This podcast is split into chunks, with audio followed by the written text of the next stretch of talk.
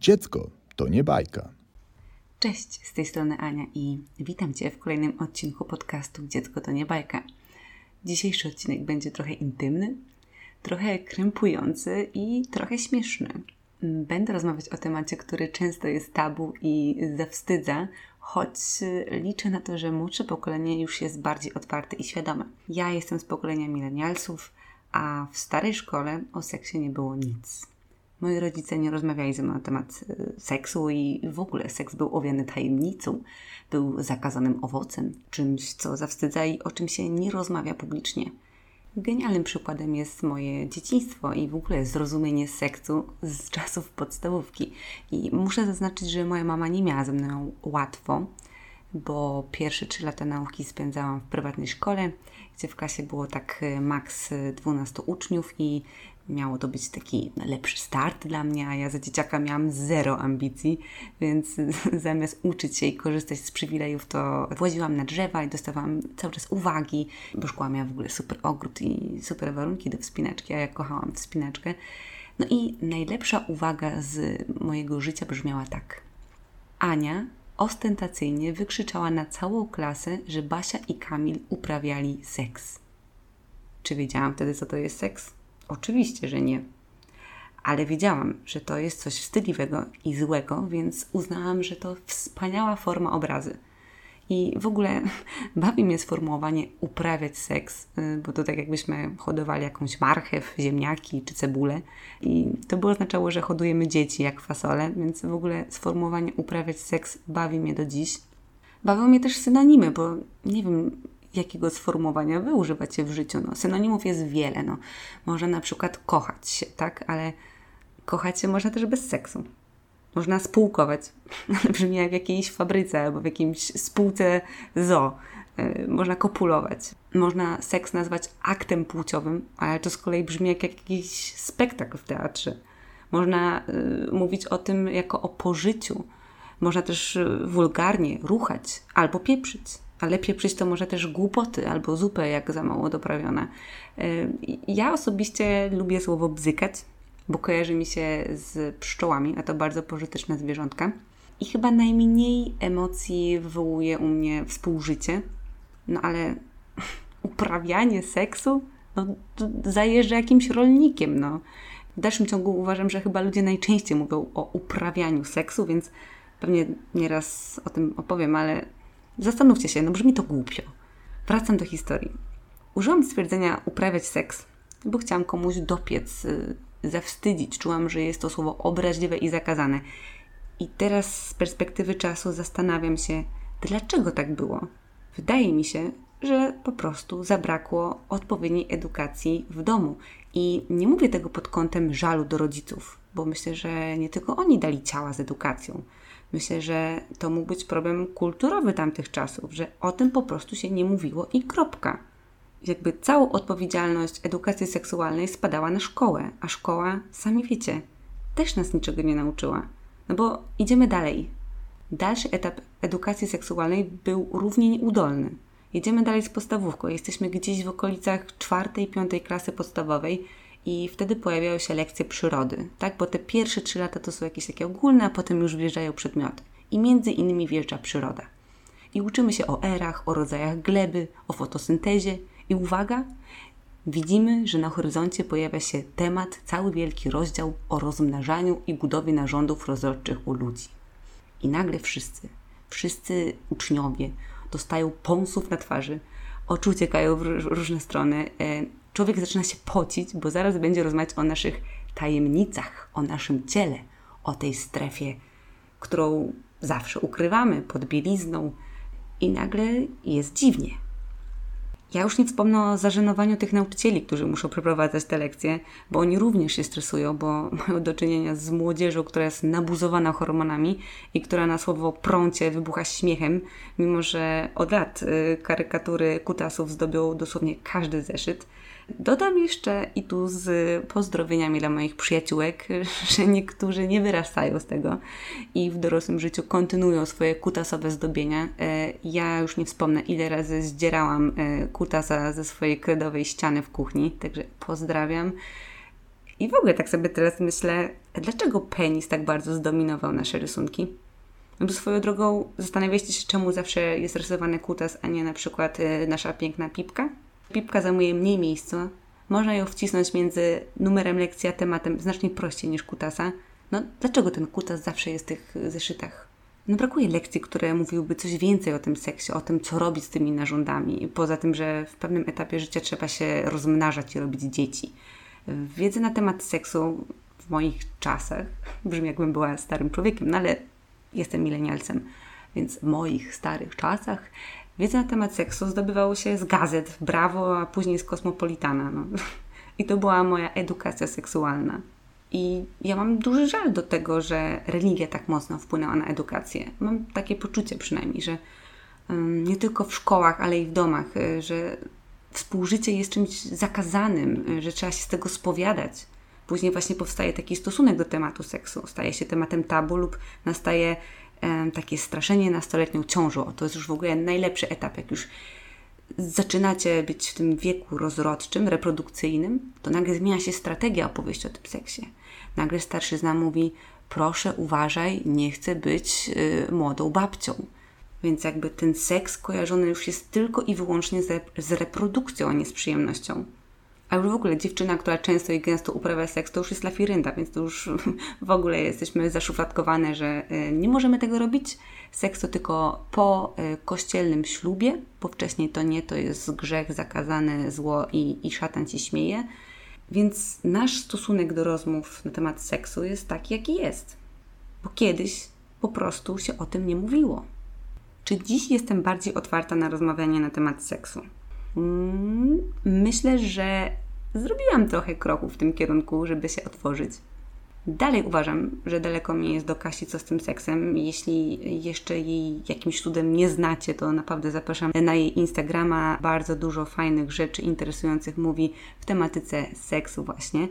E, no ale dalej moja wiedza na temat gadżetów jest ograniczona, e, ale fajnie jest, że ta dostępność do tej wiedzy jest e, coraz szersza, tak? Jest internet, można naprawdę wyczytać wiele fajnych informacji, jest dużo twórców, między innymi Kasia, więc powoli oswajamy się z tą rozmową, z rozmową do mikrofonu czy z partnerem ja też się oswajam, chociaż uważam, że ze starym to my tak gadamy o wszystkim, ale no teraz gadając do mikrofonu o seksie, również czuję się trochę onieśmielona. Wreszcie przejdę do tematu, o który wypytywałam Was na Instagramie, odnośnie naszej gotowości do powrotu do aktywności seksualnej po ciąży, bo ona trochę mi się pokrywa z tą naszą nieśmiałością do otwartej rozmowy na temat seksu. Ja okropnie bałam się e, seksu po ciąży. Kto przeżył poród i połóg, ten wie, że dzieją się w Twoim ciele niewyobrażalne rzeczy. Twoja macica e, musi bardzo dużo przejść, zmienia się jej wielkość, położenie, wyciekają z niej dziwne rzeczy, ba, no, ona dalej pamięta ten poród. Ja przez długi czas nawet nie chciałam myśleć o tym, że, że ktoś tam coś będzie jeszcze wkładać. Never ever again. Miałam nawet myśli, że nigdy w życiu już nie pozwolę nic tam sobie wpakować. Że zrobię takie wakacje dla macicy. Koniec. Ja już dziękuję. Już dziecko wyprodukowane, zamykam biznes. Y, do widzenia. Byłam ciekawa, czy Wy również mieliście takie dylematy mm, i jak było u Was? I odpowiedzi były bardzo różne odnośnie tego, jak długo czekaliście na powrót do aktywności seksualnej. O, aktywność seksualna to jest dobre słowo, nie tam jakieś uprawianie seksu, aktywność seksualna. Tego się trzymajmy. I sporo z Was czekało na koniec połogu i zgodę lekarza i siup czyli prawilnie. Kończy się połóg, można robić e, co tam sobie chcecie, bara, bara i te sprawy. Dla porównania powiem Wam, że najwcześniejszy stosunek e, był po 3,5 tygodnia, a najpóźniejszy po półtora roku. Także zobaczcie, jaka jest duża rozbieżność, kiedy decydujecie się na ponowne e, stosunki seksualne. Ale były przypadki, gdzie na serio brakowało weny, siły i e, nastała, nastawała posłucha. No po prostu, no. Pojawiały się odpowiedzi nadal czekam, nie mam ochoty, czy ona kiedyś wróci? Legendy mówią, że tak. Albo teksty w stylu czułam się na nowo dziewicą. Miałam blokadę w głowie i w ciele. Były też odpowiedzi, że byliśmy wykończeni nową sytuacją. No bo naprawdę ciężko jest skrzesić jakąś siłę e, po tak e, trudnych pierwszych tygodniach e, życia z noworodkiem. Był też komentarz, że miałam blokadę i wrażenie, że jestem uszkodzona. Albo padła odpowiedź, że ktoś uprawiał seks 4 miesiące po porodzie z wyrzutem sumienia, że tak późno, jakbyśmy brali udział w jakichś wyścigach. I to jest w ogóle też ciekawe. Ta presja powrotu do tej aktywności, że to trzeba już wracać i udawać, że nic się tam nie wydarzyło na dole. A Twoje ciało pamięta. I wbrew pozorom, po cięciu cesarskim wcale nie jest łatwiej. Bo okej, okay, dziecko nie przychodzi kanałami rodnymi, więc y, nie pęka nam krocze, no ale mamy bliznę pooperacyjną i ja na przykład mocno obawiałam się, że coś mi się rozerwie w trakcie stosunku. W bardzo wielu wypadkach y, podawano hasło pierwszy raz do wymazania z pamięci, albo że seks był po prostu nieprzyjemny. Choć też muszę powiedzieć, że pojawiła się jedna odpowiedź, że przez pierwszy rok po porodzie seks był najlepszy w życiu. Także sami widzicie, tych odpowiedzi i tych doświadczeń jest naprawdę wiele. Były też nieudane próby i bardzo dziękuję za tą szczerość, bo yy, jeśli słuchają mnie kobiety, które dopiero co urodziły albo zaraz będą urodzić i się zastanawiają, jak to będzie, to mają jasny obraz, że nie ma jednego dobrego czasu i trzeba próbować, yy, jeśli się chce oczywiście. Chęć prędzej czy później przyjdzie. Pierwszy seks po porodzie jest dziwny, stresujący i nie tak przyjemny jak kiedyś, ale spotyka to nas wszystkie. I chcę, żebyście wiedziały, że nie zawsze próby się udają. Czasem na tą aktywność trzeba trochę dłużej poczekać. I jest to totalnie, ale totalnie normalne i zero wyrzutów. To, że ktoś sobie y, zaczyna wracać do aktywności po czterech tygodniach, super. A jak ktoś wraca po półtora roku, okej, okay Słuchajcie, no to jest, to jest wasz, wasz układ, wasz agreement i trzymajcie tego. Trzeba chcieć i to muszą chcieć, uwaga, dwie strony, nie tylko jedna. Najczęściej padała odpowiedź po sześciu tygodniach, równo jak się kończy połóg i po zielonym świetle gina. I to jest super odpowiedź. Bardzo mnie to cieszy, że ludzie jednak dbają o to, kontrolują swoje zdrowie i e, konsultują się ze specjalistami, zwłaszcza jak e, no, człowiek jest po operacji. Ale moje drogie, ja się teraz tak zastanawiam, tak szczerze zastanawiam, czy to aby na pewno była Wasza potrzeba, aby e, znowu kopulować, czy potrzeba zadowolenia partnera.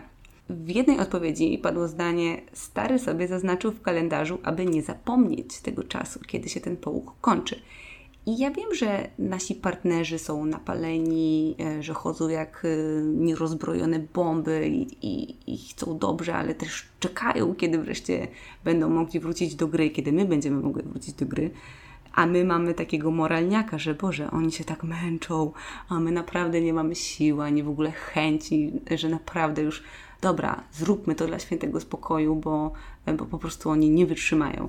I ja miałam trochę takie myśli i cały czas się zastanawiałam, jak po tych mocno wyczerpujących tygodniach człowiek ma jeszcze siłę na cokolwiek więcej niż sen. Ale aby być fair w stosunku do Was yy, i podziękować za te wszystkie odpowiedzi, naprawdę bardzo jestem mile zaskoczona, że chciałyście się ze mną tym podzielić i że mi zaufałyście. Więc powiem Wam, jak było u nas. My powróciliśmy do aktywności po około dwóch miesiącach i wiem, że na pewno była to ulga dla starego, ale dla mnie, tak jak w Waszych wypadkach najczęściej, no nie było to przyjemne doznanie. I nie jest to wina partnera, a raczej mojego zmęczenia, stresu, stresu, czy tam wszystko na dole do, dobrze działa. Ja się bałam, czy jestem dobrze zszyta, bo mimo kontroli gina dostałam zielone światło, ale tak jak niektórzy może pamiętają z odcinka o urodzinach cesarzy, zszywały mnie studentki, więc ja cały czas się zastanawiałam, czy przypadkiem e, zaraz czegoś nie rozerwiemy w trakcie naszej e, przygody na kanapie. I to wszystko no, nie pomaga, a raczej sprawia, że człowiek się tylko zaciska i, no i klops, no i nic nie zrobisz. Ktoś pięknie to ujął i tutaj daje cytat. Trochę jak pierwszy raz. Napolona, ale sucha w środku i cipka jakby za ciasna. Trochę bolało. I uważam, że to jest to pięknie ujęte, bo naprawdę na samym początku, no, no my nie mamy za dużo tutaj do, do zaoferowania. Niektóre z Was pisały, że wstyd, że tak późno, a ja Wam powiem, że i dobrze, że tak późno. Widocznie tyle trzeba było czasu poczekać. 84% dziewczyn z mojej ankietki na Instagramie stresowało się seksem po ciąży. I jestem ciekawa, czy nasi partnerzy o tym wiedzieli. Ten stres związany jest najczęściej z bólem, oczywiście. Niestety, ale ten ból e, zazwyczaj się pojawia w tych pierwszych e, powrotach do aktywności. I teraz tak sobie myślę, że swoją drogą fajnie by było, jakby mężczyźni wysłuchali ten odcinek. Żeby widzieli, że my, mimo tego stresu, tego zmęczenia, e, byłyśmy w dalszym ciągu chętne i aktywne. E, no, myślę, że stary się zdziwi, jak posłucha tego odcinka. Pozdrawiam Cię, Żarteksie. E, z czemu jesteśmy takie zestresowane? To już Wam odpowiadam. Poza tym, że ból, który jest oczywisty, sporo odpowiedzi e, było odnośnie stresu związanego z naszym wyglądem. Z tym, że już brzuch trochę sterczy, że obrzmiałe piersi, czasem z nich mleko nawet wycieka, że no nie wyglądamy tak jak przed ciążą, że nie czujemy się sexy. Ja nie czułam się sexy w ogóle. Ja miałam wrażenie, że jestem jakimś wyrzutym, sponiewieranym psem, którego ktoś kopnął jeszcze na dodatek i ledwo chodzi. I w pierwszych tygodniach rodzicielstwa y, spada to libido jakakolwiek chęć do seksu, a mimo to i tak decydujemy się na współżycie. Drodzy panowie, docencie. Oczywiście y, nie chcę generalizować, że wszystkie kobiety tak mają, e, ale z odpowiedzi w naklejkach znacząca większość y, jednak się stresuje. Ten pierwszy raz y, po porodzie, no niestety, to nie jest to co kiedyś. Ostatni stres, i to dość istotny, to jest bobas, a raczej bobasowa loteria spania, bo nigdy nie wiesz, kiedy Twoje dziecko się wybudzi, więc seks, który Was czeka po porodzie, jest y, często w pośpiechu, często po cichu i często z takim stand-byem, że być może zaraz Boba się wybudzi, trzeba będzie przerwać. Nigdy nie wiesz, czy uda Ci się dokończyć. W ogóle to seks po porodzie przypomina mi trochę jak y, taki seks studencki, czasy studenckie, kiedy trzeba było się chować, albo uprawiało się seks gdzieś na kanapie lub w niewygodnym pokoju, bo twoja sypia, twoją sypialnię okupuje bobas, więc musisz znaleźć sobie nowe miejsce. Także ten seks jest często po prostu niewygodny. Podsumowując, seks po urodzeniu dziecka nie jest prosty, zwłaszcza na początku naszej kariery rodziców. Ostatnie pytanie z ankiety na Instagramie tyczyło się Waszej otwartości do rozmawiania na temat seksu. Czyli trochę wracamy do tej otwartości z początku tego nagrania. I tutaj odpowiedzi były podzielone. Jednak lekka większość była za tym, że niechętnie rozmawiają na temat seksu. Nie zawsze są otwarte do tego, żeby publicznie mówić o seksie, albo nawet ze znajomymi, żeby o tym rozmawiać. I ja cały czas wierzę, że to się zmienia, że to jest proces, że my teraz, będąc rodzicami, wiemy więcej. Wiemy, że trzeba o tym seksie rozmawiać z naszymi dziećmi. I jakiś czas temu w moje ręce wpadła genialna książka książka, którą naprawdę Wam polecam, bo jest ona właśnie o tym, jak edukować nasze dzieci i mówić im w fajny sposób o seksie. I jak się okazuje, tą edukację rozpoczynamy już. Książka nazywa się Sexet.pl. Jest to projekt Ani Rubik. Myślę, że na pewno kojarzycie. I podtytuł jest Dorastanie w miłości, bezpieczeństwie i zrozumieniu. Przewodnik dla rodziców. I jest to naprawdę super przewodnik, bo ten przewodnik jest e, podzielony e, na wiek. I jest zakres wieku na przykład 0,5. I ja muszę przyznać, e, że się zdziwiłam, że to ja już teraz powinnam pomyśleć o edukacji seksualnej swojej córki. No bo przecież jest mała, na nic nie rozumie. A jednak bo w tym przedziale 0,5 lat jest sporo ważnych momentów, y, które wpływają na późniejszy rozwój. I na ten późniejszy rozwój wpływa cała suma powtarzających się codziennych sytuacji, czyli przytulanie, mycie, kąpiel, zabawa, bycie blisko z innymi ludźmi. W książce jest napisane, że seksualność jest cechą, z którą się rodzimy, i choć często tego wprost y, nie nazywamy, to jednak wiemy, że dzieci mają swoją seksualność i w tej seksualności wszystko zaczyna się od relacji ze sobą. Czyli ktoś, kto dobrze czuje się ze sobą, lubi siebie, akceptuje swoje ciało. To buduje dobry fundament pod e, swoją seksualność, pewność siebie, akceptację. To są rzeczy, które dzieją się już teraz. I oczywiście, no nie będziemy mówić teraz o różnych pozycjach seksualnych czy gadżetach, jakie można użyć w łóżku.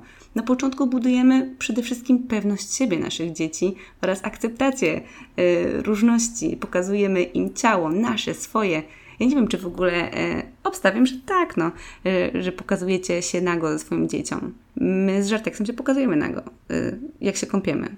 Oddzielnie, żeby nie było, że takie patologii u nas w domu. Mogę Wam jedynie powiedzieć, że za każdym razem, kiedy przytulam się z Arturem i widzi to Kajka, ona cała promienieje. Ona się cieszy całą sobą, po czym do nas podchodzi i chce się z nami tulić. I to jest coś mega, ale to mega rozczulającego. Uwielbiam te e, nasze rodzinne tulaski, e, więc e, myślę, że to jest taki dobry początek do tej edukacji seksualnej.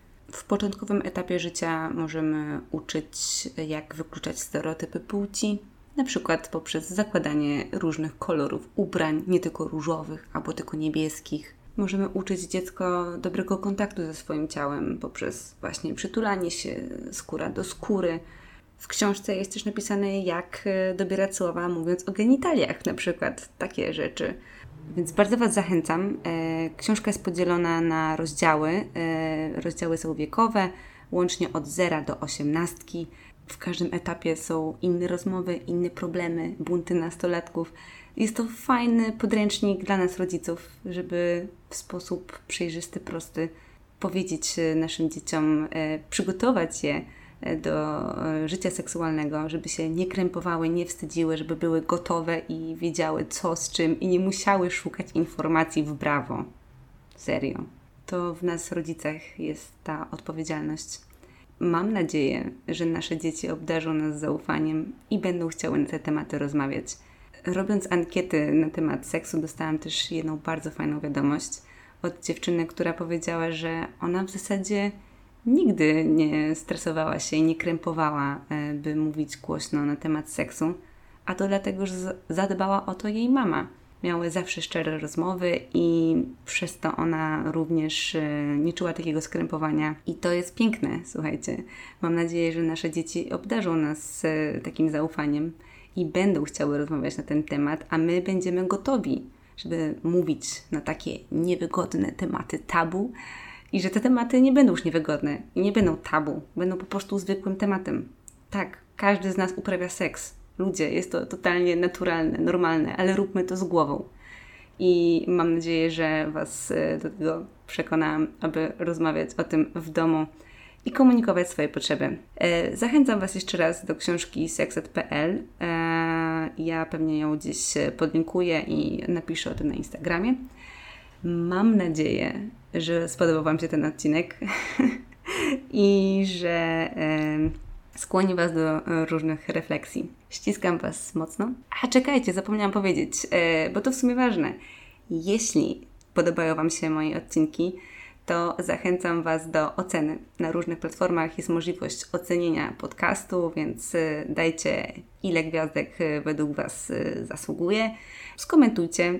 A jeśli stwierdzicie, że przyda się jakiejś innej osobie, to wyszerujcie. Będę Wam bardzo wdzięczna, bo jest to jednak bardzo miłe słychać, że te podcasty się podobają i że trafiają do coraz większej liczby osób. Także jeszcze raz do usłyszenia w kolejnym odcinku podcastu Dziecko to nie bajka.